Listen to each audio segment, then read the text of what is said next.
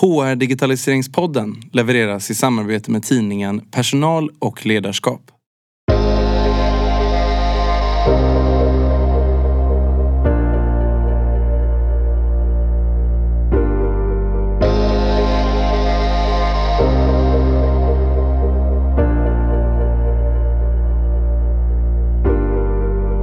Dagens gäst har myntat uttrycket Kompetens är blodomloppet i svensk konkurrenskraft. Fundera lite på vad det betyder. Kompetens är blodomloppet i svensk konkurrenskraft. Det vill säga, vi bygger hela vårt land på kompetens. Den som säger det här är Janne Jeppesen, VD på Swedish EdTech Industries. En branschorganisation som samlar edtechbolag i Sverige. Det betyder att man organiserar alla de leverantörer som finns på hela området oavsett om det är lärande för elever i skolan eller corporate learning. Och det gör man för att utveckla branschen som helhet. Swedish EdTech Industries har precis släppt sin senaste branschrapport som vi tar utgångspunkt i för vårt samtal idag. En intressant spaning är att den svenska edtech-marknaden är oerhört innovativ och ofta funnits längre än den i övriga världen, men oftast inte expanderat utanför den svenska marknaden. Du får också tips av Janni på vad du bör tänka på när du ska se över din strategi för lärande inom din organisation. Innan vi börjar dagens avsnitt så vill jag be dig om en sak. Och det är att du hör av dig till mig på anna.hrdigitaliseringspodden.se. Och då är jag ute efter att få kommentarer, både ris och ros, men framför allt dina tankar på vad du vill höra i podden framöver.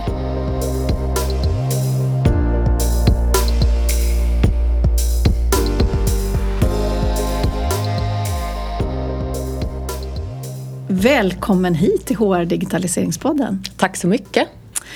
Jättekul att få fortsätta lite på det här temat kring eh, learning och eh, du kallar det för edtech tror jag. Ja, eh, edtech står för educational technology, mm. alltså utbildningsteknologi på ren svenska. Eh, så att jag företräder ju då branschorganisationer för utbildningsteknologiska företag i Sverige. Mm. så att det är själva tjänsterna och produkterna mm. som som kallas för edtech. Mm. Ehm, och det är ju liksom produkter och, som ska stödja administration av lärande eller lärande eh, direkt. Och lärande sker ju eh, på väldigt många olika sätt. Vi har ju dels skolan och den formella eh, sektorn från förskola upp till universiteten men sen eh, sker ju lärande också inom organisationer och eh, eh, corporate education som vi kallar det. Mm. Eh, men också inom offentlig sektor och så vidare. Så att de tjänsterna och produkterna kan se likadana ut ibland men användas av eh, väldigt eh, skilda sektorer. Mm kom vi in på det direkt. Eh, men vi ska väl börja med att berätta vem, vem du är. Så vem ja. är du? Ja, jag har en eh, bakgrund eh, som lärare och rektor. Så jag kommer från utbildningssektorn. Mm -hmm. Så jag har haft, jobbat, jobbat inom olika roller men kopplat till digitalisering och lärande i nästan 20 år. Vilket ju är på den tiden det kallades multimedia och så ja, vidare.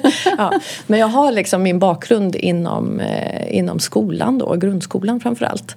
Eh, men också jobbat på utbildningsförvaltning eh, och sen också då som rektor så att eh, personalledning har jag också då haft att göra med och, och lett eh, eh utbildning för lärare och för skolledare i ganska stor utsträckning när det kommer till digitalisering och den transformation som, som ju Sverige faktiskt har, har legat väldigt långt fram eh, inom. Vi har ju digitaliserat vår utbildningssektor i 30 års tid. Mm. Var det där hem-PC-programmen kanske? Eller? Ja, det, det är en del. Hem-PC-programmet var ju eh, för, före och den låg ju också utanför skolan men ITIS var ett projekt ah, som eh, IT i skolan där lärare fick eh, en utbildning och när de hade klarat av sin utbildning det var allt från att skriva ett Word-dokument till att spela in en film.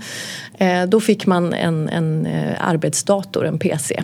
Eh, så så det var en av de första stora mm. satsningarna på, i svenska skolan då. Mm. Så det här är, eh, det har pågått lång tid och det tror jag vi är väldigt tacksamma för idag, ett år in i pandemin. Att vi har ju klarat det väldigt, väldigt bra i Sverige för att vi är så digitalt eh, mogna mm. eh, i hela samhället egentligen. Eh, så att vi har ju den övergången att flytta från eh, klassrummet eh, och föreläsningssalen ut på digitala plattformar och digitala miljöer. Har, den övergången har gått väldigt, väldigt smidigt. Mm. Jämfört med andra länder då? Jämfört med andra länder, absolut. Mm. jag skulle säga att i, i norra Europa, så, så, eller i Norden, så är vi ganska lika med varandra och har, har haft väldigt goda förutsättningar. Vi har haft hög grad av teknologisk penetration som vi kan säga i vår bransch. Men ehm, Eh, i, bara i Tyskland till exempel som ju faktiskt är nästan ett grannland. Där mm. har man ju inte ens internet i skolorna. Man har inte tillgång till något som helst. Så där har ju liksom distansundervisningen eh, varit väldigt svår att eh, uppfylla. Utan eh, lärare har fått cykla hem och lämna böcker utanför dörren hos eleverna och så vidare. Så att det, det, alltså kontakten och kommunikationen mellan skola och hem har varit väldigt svår. För att man inte har digitalt så har man inte varit påklädd för det helt enkelt. Mm. Mm. Intressant.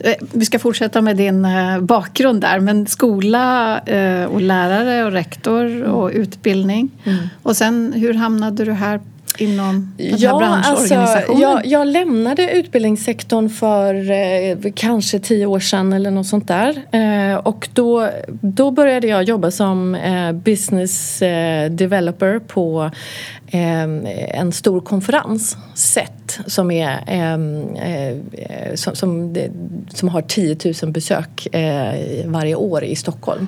Och det handlar om just digitalisering och lärande för skolsektorn. Eh, och då utvecklade vi det konceptet och tog det till Norge och till Finland. Så jag jobbade ganska nordiskt där. Och sen mm. så startade jag också en konferens för vuxnas lärande eh, som var riktat till högre utbildning men också till eh, privat och offentlig sektor och eh, ja, framförallt HR-avdelningar egentligen. Och den kallade vi för EdTech Sweden. Den startade då för 6-7 år sedan. Mm. Och det konceptet ehm, Eh, att vi döpte den konferensen och mötesplatsen till EdTech Sweden det gjorde vi för att det var ett väldigt coolt namn tyckte jag. Eh, EdTech, så ja. det var ändå nytt och vi hade inte det i Sverige. Det var ju också ledigt det domännamnet. Så att jag, döpte det, jag döpte konferensen till det för att det var coolt. Men det var väldigt många som trodde att vi då var en branschorganisation för edtechbolag. Så att de började höra av sig till mig. Eh, och då insåg jag att men jag har ingen att, att hänvisa dem till för det finns faktiskt det man har inte formerat sig mm. i sektorn. Eh, och det är faktiskt en jätteviktig del för att skapa tillväxt och innovation. Det är att formera sig och eh, samarbeta och utbyta nätverk men också kanske kapital när det gäller nya bolag. Eh, och bygga value network som det kallas. Fintech, en av fintech mm. i Sverige är väldigt starkt och det beror bland annat på att de har en ganska tight eh, networks, alltså mm. value networks. Eh, och det, det hade man inte. Så jag uppmanade sektorn till att ni måste formera er. Mm. Eh, och um, man gjorde nog inte det precis i, i de första, första halvåret där så, så, tog man tag i det. Men till slut så var det några bolag som faktiskt tog tag i det och såg att det finns, en, det finns faktiskt ett behov av att samarbeta mycket mer eh, inom branschen. För mm. att eh, när man levererar sina produkter och tjänster så levererar man aldrig det som enskild leverantör. Mm. En lärare som öppnar sin dator i klassrummet och sätter igång lektionen det är 20 leverantörer som samlevererar samtidigt. Mm. Mm. Så att eh, de startade en, en branschorganisation då. Så att den har funnits nu i fyra och ett halvt år och jag fick frågan om jag ville eh, bygga upp den branschorganisationen helt enkelt. Så att, det sa jag nej till två gånger. och sen så kunde jag inte riktigt eh, hålla mig. Jag tyckte faktiskt att det var för spännande. Mm. Eh, och det har verkligen varit ett hål som hade behövt fyllas. Så att eh, vi har ju jobbat nu i i fyra och ett halvt år och eh, eh, börjat bygga väldigt många value networks då som vi kallar det. Eh, mm. Samarbetsytor både mellan myndigheter, eh, med myndigheter men också eh, andra aktörer som SKR och, och, och så. Eh, för att eh, det finns en hel del hål att laga i det digitala ekosystemet i Sverige. Eh, där branschen och sektorn också måste ta sitt ansvar. Eh, så vi jobbar mycket med tekniska standarder och eh, driver olika frågor på olika sätt och informerar beslutsfattare om olika vägval och vad det innebär och vilka konsekvenser det får. Och så mm, mm. så att vi jobbar med väldigt många olika frågor på det sättet. Mm. Ja, eftersom det också, som du definierar, det är ju ett väldigt brett område? Ja, ja, alltså livslångt lärande, om man ska ta lärande som sådant så är det ju det från förskolan till graven egentligen. Mm. Eh, vi kommer behöva lära och ställa om och lära om och lära av eh, hela vårt liv och det tror jag att det här året har ju, det, har, det här året som har varit har ju eh, eh, speedat upp den eh, trenden som redan fanns innan eh, och den har ju satt eh, liksom mycket mer akuta förtecken för eh, att det här behovet är för många branscher affärskritiskt eh, och för offentlig sektor också affärskritiskt mm. om vi ska kunna möta de samhällsutmaningar vi har. Så att kompetens och kvalifikationer är ju, skulle jag säga, affärskritiskt för hela Sverige AB. Eh, för att det är en, vi är en kompetens och kunskapsnation. Vi är en jätteliten, ett jättelitet land eh, och där våra export, eh, exportsektorer är våra, vårt viktigaste och det är där i kompetens och, kompetens och kunskapsexport egentligen. Så att vi måste, jag skulle säga att det är blodomloppet för svensk mm. konkurrenskraft så är det faktiskt kompetens. Och det här pratade jag med Ronald Barnett om i en tidigare mm. podd för vi, vi tog upp just det att det, det var ju någonting som dök upp tidigare, för då tittade utifrån hans perspektiv så tittar ju industribolagen i, i Sverige, de ledande och tittade på och såg att hela den här omställningen på grund av digitaliseringen då. Mm. Men nu har det ju på något sätt accelererat det senaste året också med att eh, så många branscher förändras och förflyttas.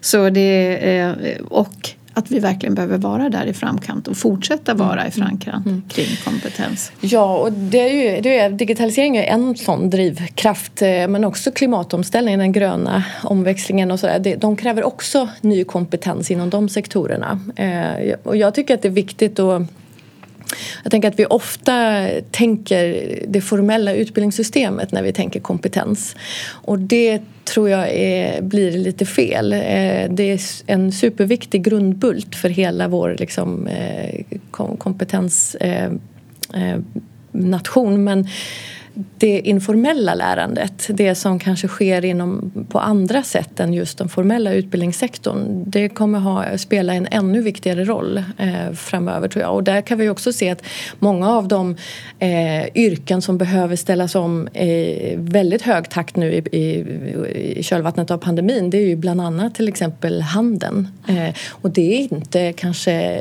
universitetsstudier som behövs eh, sättas in där utan det är en helt annan typ av eh, utbildning för att ställa om då till eh, till e-handel på det sättet som vi har sett idag. Då. Så det är mycket ligger hos eh, alla olika organisationer? Ja, Allt från eh, företag till eh, kommuner, landsting, alla, alla deltagare här mm. som behöver hjälpas åt med den här omställningen. Ja, ja, mm. ja det är varenda... Alltså, det, du kan, som individ så kan du vara 50 år och ha haft eh, ett yrke som, som i en bransch som kanske nu faktiskt försvinner. Då, eh, då kanske du har en grundskoleexamen i botten. Eh, du kanske inte ens har ett gymnasie, en gymnasieutbildning utan då är det helt andra utbildningsformer som behövs till mm. än, än just det akademiska.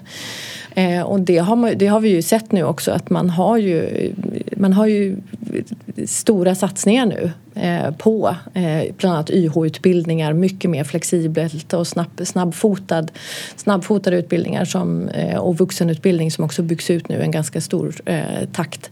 Så att eh, det, vi ser det inom väldigt många Eh, väldigt många fält. Så det kommer hända väldigt mycket tror jag. Eh, och sen det digitala språnget som har genomförts när det gäller själva utbildningsformerna. Mm. Det ju, gör ju också att flexibiliteten eh, ökar för det ger ju möjlighet och tillgång till att utbilda sig på distans, i hybridsituation, i kortare kurser, i längre kurser och, och kanske kunna eh, eh, vara yrkesarbetande småbarnsmamma och plugga samtidigt. Det det går idag på ett helt annat sätt än vad, än vad det gjorde för, för bara fem år sedan. Skulle jag säga. Men det är en, det är en Så det är, det är ju både en otroligt stor omställning för jag tänker på alla då som jobbar inom mer corporate learning som är det troligtvis målgruppen som lyssnar här på podden. Att både de som då ska tänka på vad, vad man behöver göra för sin egen organisation men också hela branschen som levererar vad, vad man kan leverera och alla olika entreprenörer som skapar nya tänk eh, för att kunna skapa de här små learning eh, in the flow of work kallar man det och lite sådär. Mm. Mm. Ja, och där tror jag att eh, det året som har gått det har ju bara det har ju speedat upp redan befintliga rörelser skulle jag säga utan det, bara gått, det går bara snabbare den här omställningen. Eh, och det digitala språnget som vi ju alla har tagit genom att vi egentligen har på många sätt, många, många arbetsgivare har ju flyttat hem arbetsplatserna. Eh, så att samarbetsytor men också lärande och möten och på alla sätt så har vi ju liksom tagit ett eh, gigantiskt digitalt språng som har varit påtvingat. Det ska vi också komma ihåg. Att det inte är en normal situation. Eh, vi, eftersom vi har behövt att hålla en social distans så är det vissa saker vi inte kan göra som vi skulle vilja göra och som vi faktiskt måste göra rent fysiskt. Men vi har verkligen lärt oss vad det är som funkar bra och, vad, och hur vi ehm, eh, kan bygga de här strukturerna för kommunikation och samarbete och så som är ju en jätteviktig del i lärandet till mm. exempel. Mm. så att, eh, och vad som händer utifrån ett leverantörshåll så kan man ju se att eh, det här trycket av liksom helt nya behov. För det är ju plattformar och tjänster som kanske idag används på ett sätt som de inte är tänkta att användas. Mm. Eh, och det trycket har ju skapat en enorm innovationssprint som jag kallar det. Liksom att man har ju börjat utveckla funktionalitet för att behoven har varit så stora. Så att eh, om man tittar på de stora plattformarna så kan vi ju bara se Zoom och Teams och vad det nu är för mötesplattformar vi har haft. De har ju utvecklat sin funktionalitet i en rasande takt under den här tiden. Handuppräckningsfunktioner, eh, skjuta upp ut i små samarbetsgrupper och så vidare. Och så vidare. Så det har liksom varit en enorm eh, utveckling mm. eh, av de tekniska plattformarna. Och det kan vi se på lärplattformarna också. Att samarbeten och möten och, och de ytorna har fått en mycket tydligare plats i verktygen. Eh, så, så att det, och det i sin tur skapar ju också helt nya möjligheter för att faktiskt eh, öka kvaliteten på, på väldigt många aktiviteter som vi gör då kopplat till lärande. Mm. Mm. Så, så de eh, olika plattformarna, alla på något sätt breddar sig. Man, man slår ihop funktionalitet som kanske inte fanns där för att eh, allt från eh, skolor till företag försöker att stretcha det de redan har för att det tar för lång tid också att upphandla någonting nytt och implementera ja. och försöka stretcha leverantörer man redan har. Är det så det som har hänt? Ja, eller? så att det, funktionalitetsmässigt. Vi, släpper, vi släppte ju en branschrapport precis där vi faktiskt tittar på eh, Eh, den här tekniska utvecklingen både globalt men också här i Sverige. Och eh, när vi frågar våra medlemsbolag eh, så säger de ju att var tredje bolag säger att de har ändrat sin långsiktiga produktutvecklingsstrategi och sin affärsstrategi. Mm. det betyder att de ser att det som vi har varit med om nu och den funktionalitetsökningen eller liksom utvecklingen som har skett bara under det här året. När de börjar titta framåt och lägga strategiska planer för hur de ska fortsätta och vidareutveckla sin produkt eller sin tjänst så, så, så tror de att det här som vi har varit med om kommer att ge bestående effekter på många plan. Så att eh, man eh, utvecklar för en ny verklighet skulle jag säga. Mm. Mm. mm. Och det det, det kommer ju att eh, ge nya möjligheter. Det är ju fantastiskt att, eh, att vi eh, får så, så en sån höjning av värde eh, kopplat till vad tjänsterna faktiskt kan göra för oss eh, och hur vi kan använda dem. Så att eh, det i sin tur skapar möjligheter. Eh, och de möjligheterna måste vi ha för att vi lärande kom, är ju ännu viktigare nu än vad det någonsin har varit. Så vi, vi, kommer, behöva, vi kommer behöva det. Mm. Hur ser det ut med investeringar då i, eh, i de här bolagen? Hur, får de, hur kan de växa? Hur klarar de av att växa? Är det också så att precis som när man pratar till, lyssnar på omvärlden, USA pratar vi om, de stora bolagen så händer det väldigt mycket och man ser att det går in mycket investerare i de här typerna av bolag. Mm. Händer det samma sak i de svenska bolagen? Alltså, eh, om vi tittar på investeringar globalt sett så, så, så drivs det framför allt på de marknader när det gäller utbildningsteknologi som är väldigt konsumentdrivna marknader kallar jag det. Och det är ju för att eh, de tjänsterna som, som, som det har varit jättestor efterfrågan på under den här tiden det har ju varit tjänster som, eh, som kan stödja hemundervisning eh, och där föräldrarna, vi, i Sverige har vi ju en, en, en skattefinansierad utbildningsstruktur Eh, men det har man inte i stora delar av världen utan här har det ju varit föräldrar som har eh, liksom köpt en massa tjänster och då, då har ju de tjänsterna varit väldigt fokuserade på liksom självinstruerande eh, mm. tjänster som hjälper barnet eller studenten att själv klara av sina studier. Så det har varit mycket gamification och mycket av den typen av adaptiva liksom, AI-baserade lösningar som gör att man edutainment, att man liksom gå framåt i, i takt och få hjälp av verktyget att gå framåt i, i sitt lärande.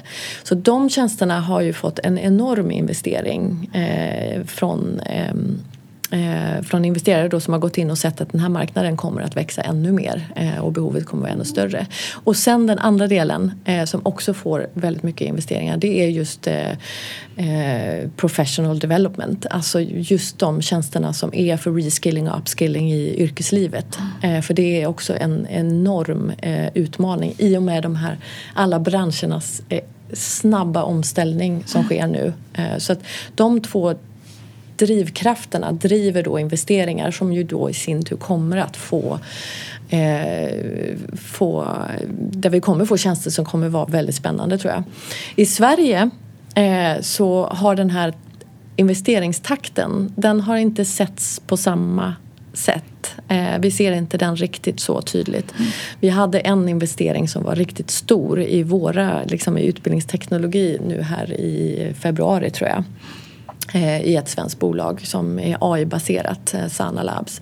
De tog in en stor investering från EQT och blev värderade till 600 miljoner mm. kronor eller något sånt där. Så att, vilket är ju en chocker i, i vårt, eh, ja. så, i, i vår sfär för att ja. det här är ju en ganska, jag skulle säga en ganska anorektisk bransch på det sättet.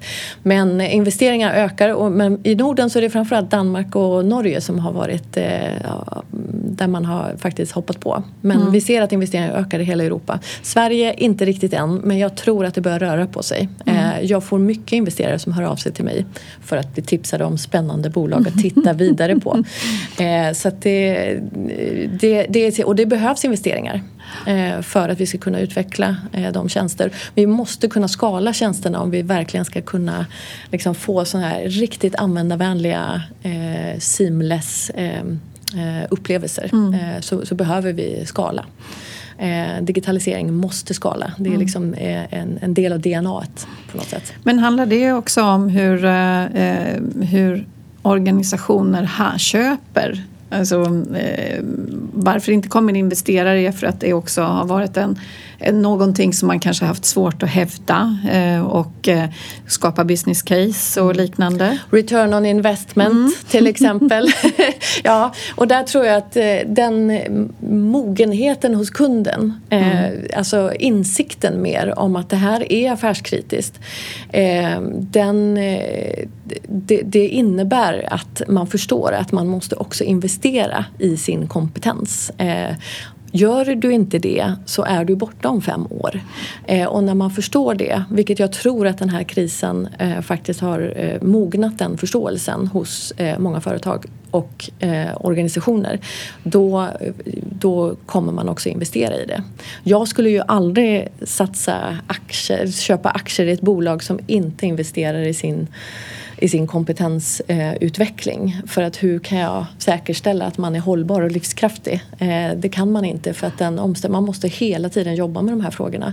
Det går inte i krissituationer att hantera det utan var, var, är vi om fem år? Var är vi om tio år? Och vilken kompetens har vi idag? Och var ska vi eh, mm. med vår kompetenskurva eh, för att eh, nå dit vi, vi, vi ska. Så att det är liksom, den, den är affärskritisk och den mogenheten ökar. Så jag tror att vi kommer se fler liksom, eh, satsningar på de, på de här på det här området. Jag håller helt med mm. dig. Att tidigare så pratade man mer i termen av att man, man såg att medarbetare inte ville stanna om man inte utvecklades och fick tillgång till kompetensutveckling. Men nu, nu pratar vi om någonting helt annat. Det handlar om att överleva. Om du inte investerar i dina medarbetare, mm. ja, då har du inget företag kvar framöver. Så det, det är en måste. Men det är, det är ju en otroligt stor omställning i mindset och eh, de individer då som, som måste leda det här och kunna stå för och skapa de här business casen måste det, det lära ser, sig det. Ja, men det mm. ser jag. Jag följer ju, LinkedIn är väl en, en, en bra källa för det men där ser man ju att under krisen så skulle jag nog säga, nu, nu är det kanske algoritmen eh, pikar in mot mig då, min kompetensprofil såklart. Mm. Men man ser ju att eh, både eh, liksom universitet, handelshögskolor, eh, stora organisationer, företag, offentlig sektor, vad de letar efter nu är learning, eh, head of learning, head of eh, human development och så vidare och så vidare. Så nu börjar man också anställa den typen av kompetenser högt upp i företaget. Mm. Och självklart så måste ju man sitta i ledningsgrupp med de här frågorna för det här är affärskritiska frågor. Så jag tror att det, där kommer vi se liksom, eh, eller jag ser redan en sån rörelse på det sättet. Så jag tror att vi kommer se eh, en, en större beredskap att faktiskt investera i de här eh, frågorna. Mm. Mm. Ja, jättekul för alla som lyssnar som jobbar inom det området att deras kompetens kommer då också mm. värderas högre och då är det bara att kämpa för att vara med och eh, sätta riktningen för organisationen. Mm. Men om du tar kanske prata lite mer om vad, vad, branschrapporten då innehåller. Kanske spännande. Vilka, vilka delar och vad har ni hittat utöver det vi har pratat om hittills? Ja, men eh, vi gör den årligen och har, det är bara den andra nu. Vi är ju en, en, ganska ung organisation än så länge, men det är den andra nu. Så att vad vi gör det är ju att eh, eh vi, vi gör en branschbarometer Eh, där vi frågar eh, våra medlemmar, eh, ställer olika frågor för att se hur de ser på framtiden, vad de ser är de största hindren och vilka utmaningar som finns. Och hos oss är det ju, det blir väldigt stort fokus på just den formella utbildningssektorn. Ehm, men, och sen så har vi också gjort en, i år då en, en, en djupanalys då över det året ehm, som har gått, det vi har bakom oss och vad det i sin tur kommer leda till. Alltså vi vill lyfta blicken lite grann. Vad, vad, vad ser vi framför oss istället för att bara hantera? Hur ska vi tänka strategiskt nu då? Eh, och sen så har vi en marknadsöversikt där vi tittar på just skolväsendet och hur eh, investeringar eh, ser ut. Eh, och vad, vi, vad, kostar IT i skolan egentligen? Det är någonting som är väldigt debatterat i, eh, i det offentliga samtalet. Eh, och det finns inga siffror på det så det, har vi, det, det, tar vi fram årligen nu då. Så då, just marknadsöversikten gäller skolan då. Mm. Men när, när, när vi tittar på, när vi frågar bolagen hur de tänker framåt och vad som har hänt intressant eh, och när vi också gör en omvärldsspaning eh, så är det just eh, den här innovationssprinten. Den är liksom, den är den är väldigt massiv och den kommer få stora konsekvenser eh, på ett positivt sätt. Den kommer skapa enorma möjligheter. Eh, att eh, vi kommer få tjänster som vi inte kan tänka eh, idag för det genomslaget kommer att eh, vara så stort och vi kommer, vi kommer också se Eh, en, en, det, det, ser vi redan nu men vi kommer se eh, framgent så kommer vi se ytterligare investeringsökningar. Eh, man räknar med att till 2025 så kommer man alltså att fördubbla investeringen i, inom utbildningsteknologin globalt. Och det här kommer ju betyda jättemycket för sektorn och mm. för kunderna mm. eh, som kommer ha helt andra paletter och möjligheter mm. att, att, välja ifrån. Eh, så det är väldigt positivt. Så det kan vi se. Eh, annars så ser vi att eh, och de trender som, som driver det här behovet och efterfrågan det är just den här omställningsbiten. Eh, reskilling, upskilling, det är ett enormt eh, tryck på det. Eh, regeringar sätter in krisåtgärder för liksom, kompetenslyft eller vad vi kallar det runt om i världen eh, och det i sin tur, de satsningarna i sin tur driver då ett behov av eh, efterfrågan på, på fler utbildningsteknologiska tjänster för att möta det här behovet.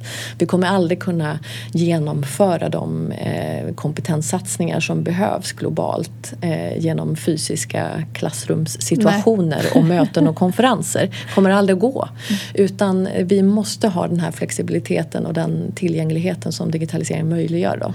Mm. Mm. mm. Hur, eh, jag tänker på alla de olika leverantörerna, eller inte leverantörer, det är ju bolag med olika struktur som är med i organisationen. Mm. Men hur stor är då eh, marknaden som är för skola och vad är, vad är, hur stor jämfört med corporate? Eh? Ja, det är väldigt svårt för där är det svårt att hitta några riktiga siffror för det är en väldigt så decentraliserad, alltså utspridd marknad. Det finns ju allt från liksom enskilda små tjänster som löser en viss del i ditt eh, learning ecosystem om man kallar det så. För att man, mm. på sin arbetsplats så, så har man kanske flera olika eh, behov eh, att lösa.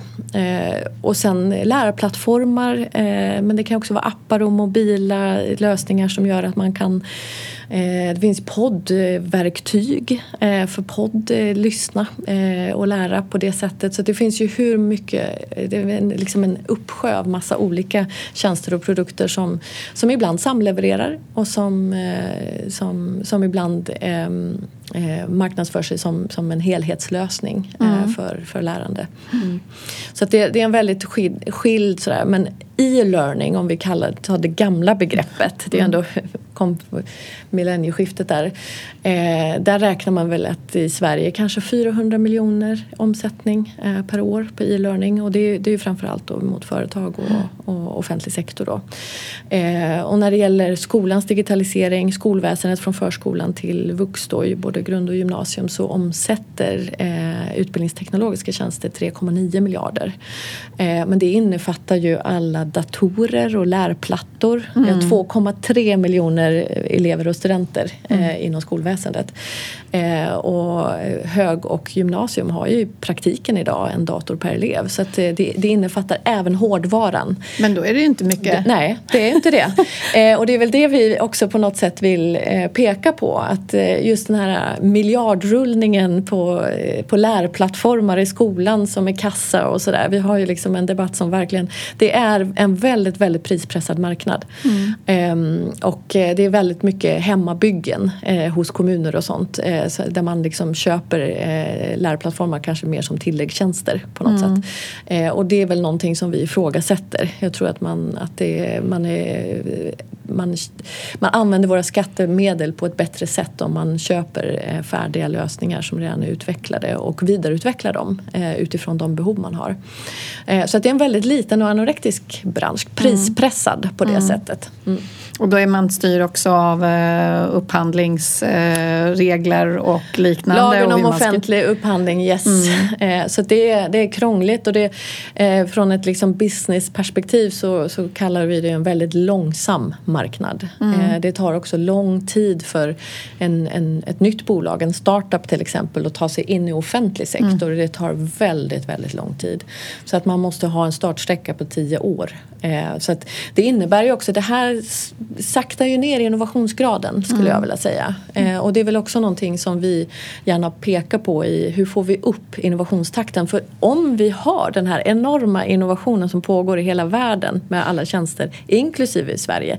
Hur, får vi, hur kan vi dra nytta av dem? Mm. Inte genom Eh, en implementation av det vi redan har idag om tio år. Hur får vi in det snabbare om vi har lösningar som faktiskt möter behov som vi har? Så att eh, det, det är intressant och där tror inte jag skolan kommer inte vara innovationsledande utan skolan kommer att, eh, där har man en fördel på företagssidan. Mycket snabbrörligare mm. så ni kommer ju att hitta de här möjligheterna och lösningarna och när ni visar att det här funkar då kommer skolan, aha, kanske adoptera det om mm. eh, några år. Så jag tror att innovationen och utvecklingen kommer ske eh, på corporate-sidan faktiskt.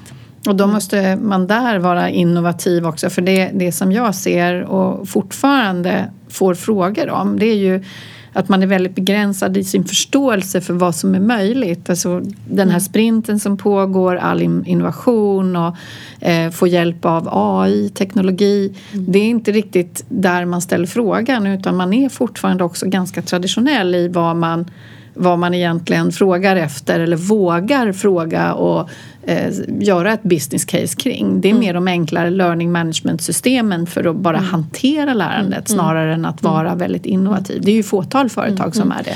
Ja, och det är väl också så att eh, som man frågar får man svar. Ja, eh, och det, väl, ja. Och då, det, det, ser vi i offentlig sektor också. Eh, man, vad man frågar efter, det, det, är de svaren man får.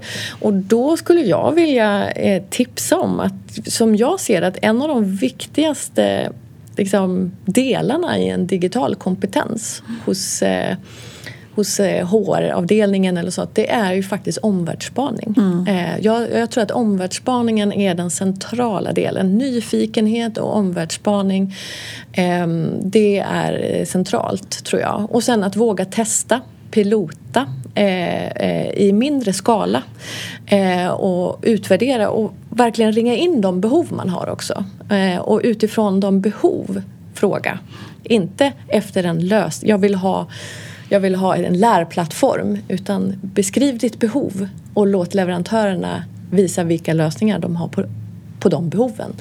Eh, det tror jag eh, är en väg framåt. Så omvärldsspaning och eh, intresse för och eh, analys. Och det finns ju en uppsjö av eh, eh, eh både tidningar på, på nätet och webbsajter som, eh, som fokuserar på edtech och utbildningsteknologi. Mm. Eh, så det kan jag tipsa om, att verkligen eh, ja, nörda ner sig mm. och vara nyfiken. Och det här är något som jag poängterar också för oavsett vilket område nu, för det är ju en sån hög innovationstakt inom hela HR har så otroligt brett ansvarsområde.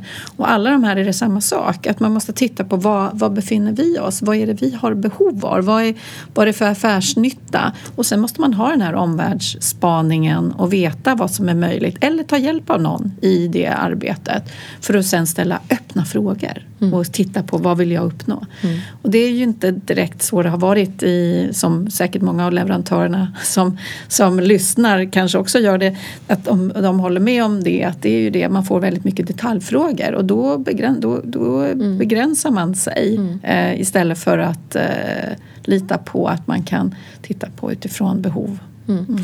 Och det sker väldigt mycket nu och du var inne på det också. Det är ju liksom teknologisk utveckling med AI och data som strategisk resurs och det här skapar helt nya möjligheter för att, att lösa behoven. Så att jag skulle vilja säga att man kan ju välja en, en lösning som är ganska old school, alltså digitalisering 1.0. Men vi, jag tror att vi håller på att ta ett, ett ganska stort kliv till en, en helt annan möjlighet eh, teknologiskt som gör alltså bara rent simuleringar. Alltså det, nu, nu tekniken är billigare och vi har en, en mycket kraftfullare teknologi som, som kan användas på ett, på ett sätt som vi kanske inte förstår idag. Så jag mm. tror, och det, det börjar redan, de tjänsterna börjar redan poppa upp. Mm.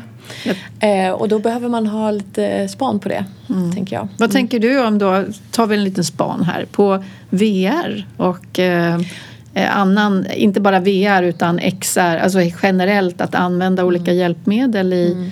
Ja, för, simuler för ja. simulering till exempel. Mm.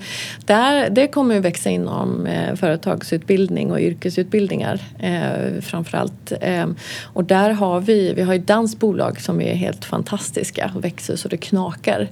Eh, som eh, inom kemisektorn. Mm -hmm. ja, man laborerar eh, och det är extremt investeringstungt. men de har hämtat hem så mycket investeringar och, och partner med Google just nu till exempel. Så att Labster växer som bara den den eh, inom just eh, eh, kemisektorn. vilket är också en väldigt så här, nischad.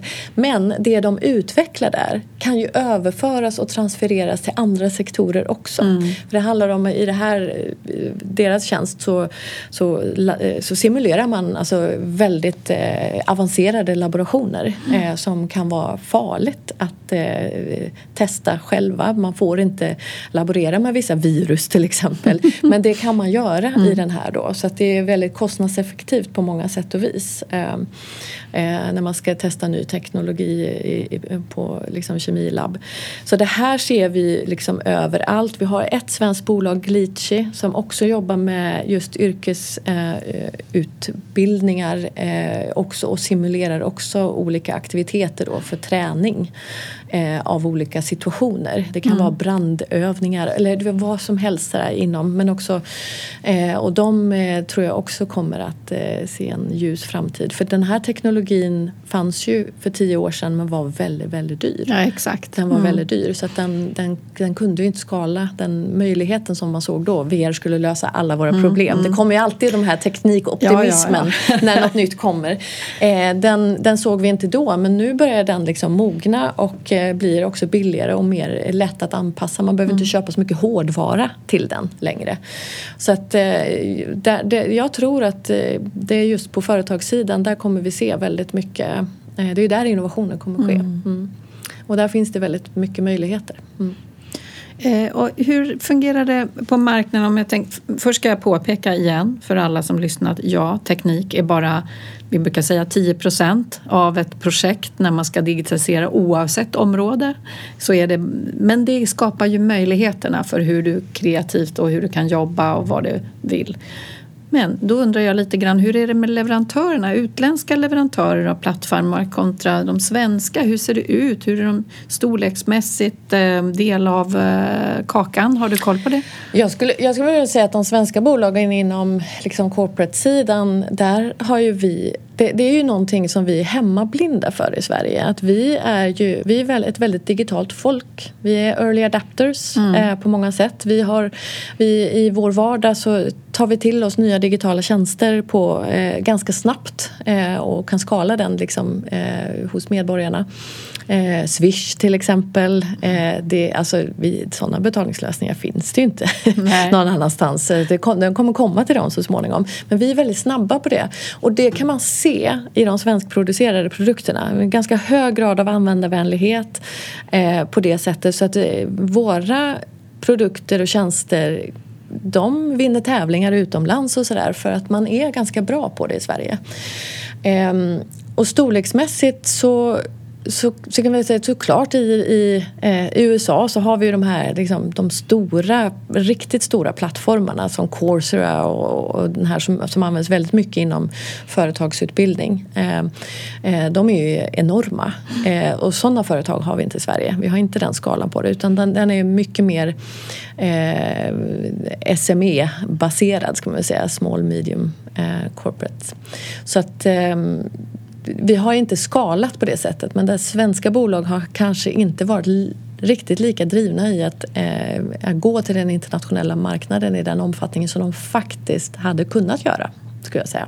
Och det har också koppling till investeringar Det kostar mm. att skala. Ja, det gör det. det, gör det. Så att, eh, jag tror att man, man är lite hemmablind och förstår inte riktigt att vi har det ganska mm. väl förspänt här hemma. Så att, eh, jag, skulle, jag skulle nog titta svenskt. Mm. Jättespännande. Nu funderar jag på, vad, är det någonting mer från branschrapporten som du vill eh, lyfta i, här i sammanhanget? Jag skulle säga som en del av en omvärldsspaning så skulle jag läsa den. För vi mm. omvärldsspanar, vi gör en global omvärldsspaning på eh, de olika trender och drivkrafter som är på gång nu.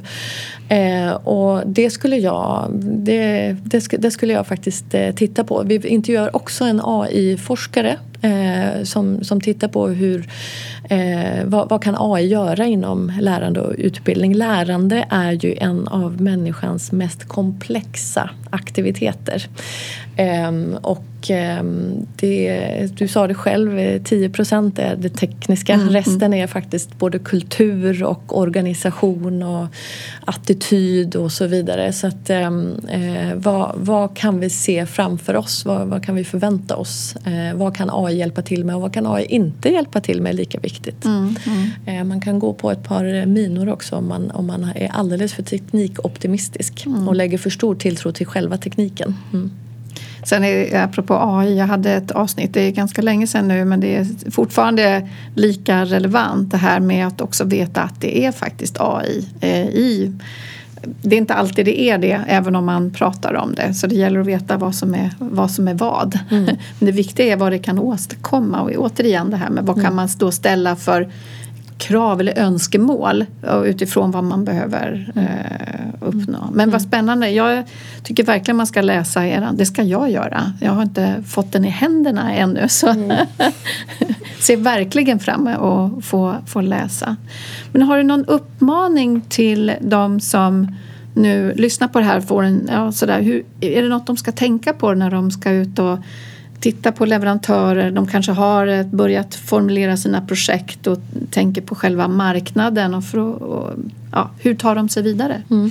Jag tror att man behöver se, eh, man behöver verkligen ringa in sina behov eh, och eh, stanna vid behoven och inte titta på lösningar i första hand utan ringa in sina behov och alltså, vad, hur ser vår kompetens ut idag? Vad kommer vi behöva för kompetens om fem år och vilka steg eh, ska vi ta för att komma dit? Eh, och sen eh, tror jag att, vi, att man man faktiskt måste eh, gå in i ett partnerskap med leverantör. Eh, ha dialog, eh, så leverantörsdialoger, omvärldsbana eh, och sen eh, när det klickar med någon leverantör som man känner ja, men de här är spännande lösningar som möter de behoven vi har. Eh, hur kan vi jobba tillsammans vidare? Det tror jag är den eh, vägen att gå. För jag tror att det, det kommer ju inte att stå still. Det du köper idag kommer inte vara samma som du kommer behöva om ett eller två eller tre år utan hela tiden tweaka och utveckla mm. utifrån eh, de behoven och de eh, målen man har med, mm. med sin utbildning. Och dessutom så befinner man sig ju man har ju redan en digital miljö, man har redan någon typ av ekosystem. Eh, hur kan du använda det av det befintliga ekosystemet tillsammans med en och, och, kanske jobba i eh, och bygga ett learning ecosystem mer än att köpa en enskild tjänst. Ja, för det var det jag tänkte lite på tidigare och det brukar ibland eh, eh, HR vilja ha, i alla fall vad jag ser, att man gärna vill ha en, en lösning som täcker alla behov. Och det är ju lite för att man inte har stödfunktioner inom företag som hjälper en att hålla ordning och ha en strategi. Så att, eh, mm. ja, men det, man kan inte riktigt One nå. One size doesn't fit all. det är ofta så. Och eh, det man vill förenkla det på det sättet men det behöver inte bli. Utan jag tror att man ska tänka learning ecosystem. Mm. Där det finns tjänster som är väldigt bra på vissa saker Eh, men som inte levererar den andra. Och då, då är det bättre att liksom, mm. Eh, bygga ihop ett learning ecosystem och utgå kanske från de plattformar och lösningar man har idag och mm. bygga på dem. Mm. Eh, med, om, så jag tror att man behöver göra liksom en helhetsanalys av sitt ja. ekosystem mer än att titta på eh, enskilda tjänster i första hand.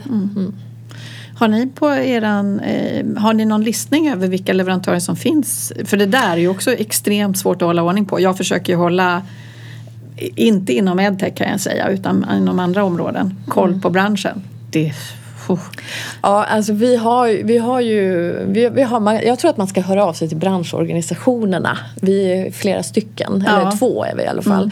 Så att man kan dels höra av sig till oss och på vår hemsida där har vi våra medlemmar. Vi har också något som, som heter Edtech-kartan med ett inköpsstöd. Men mm. den, är fokuserad, eh, den är fokuserad på just eh, skolsektorn. Men det inköpsstödet, det finns väldigt många bra frågor där. Det är liksom tio, de fem vanligaste misstagen och så vidare. Det är man nog hjälpt av i, eh, även på företagssidan. Så det skulle jag tipsa om, edtechkartan.se. Mm. Mm. Eh, och där har vi också tagit fram ett stöd tillsammans med forskare kopplat till hur ska jag välja och utvärdera digitala lärresurser. Eh, så det är också mycket kopplat till de pedagogiska frågorna. Eh, så det finns en hel del eh, matnyttigt där att sno skulle jag säga. Mm. Eh, och plocka delar ur. Eh, sen finns det en branschorganisation som heter Promise eh, som fokuserar framförallt på e-learnings eh, och de har ju också en medlemslista på sin mm. sida och man kan höra av sig till Ulf där också. Mm. Ja. Men vad bra. Mm. Tack så jättemycket för de här tipsen och jag hoppas att eh, även podden kommer fortsätta kunna tipsa om lite ja, men nytänkande leverantörer och sådär. Vi får se var vi hamnar här framöver. Men tack så mycket Janni för att du kom hit. Ja, tack för att jag fick komma.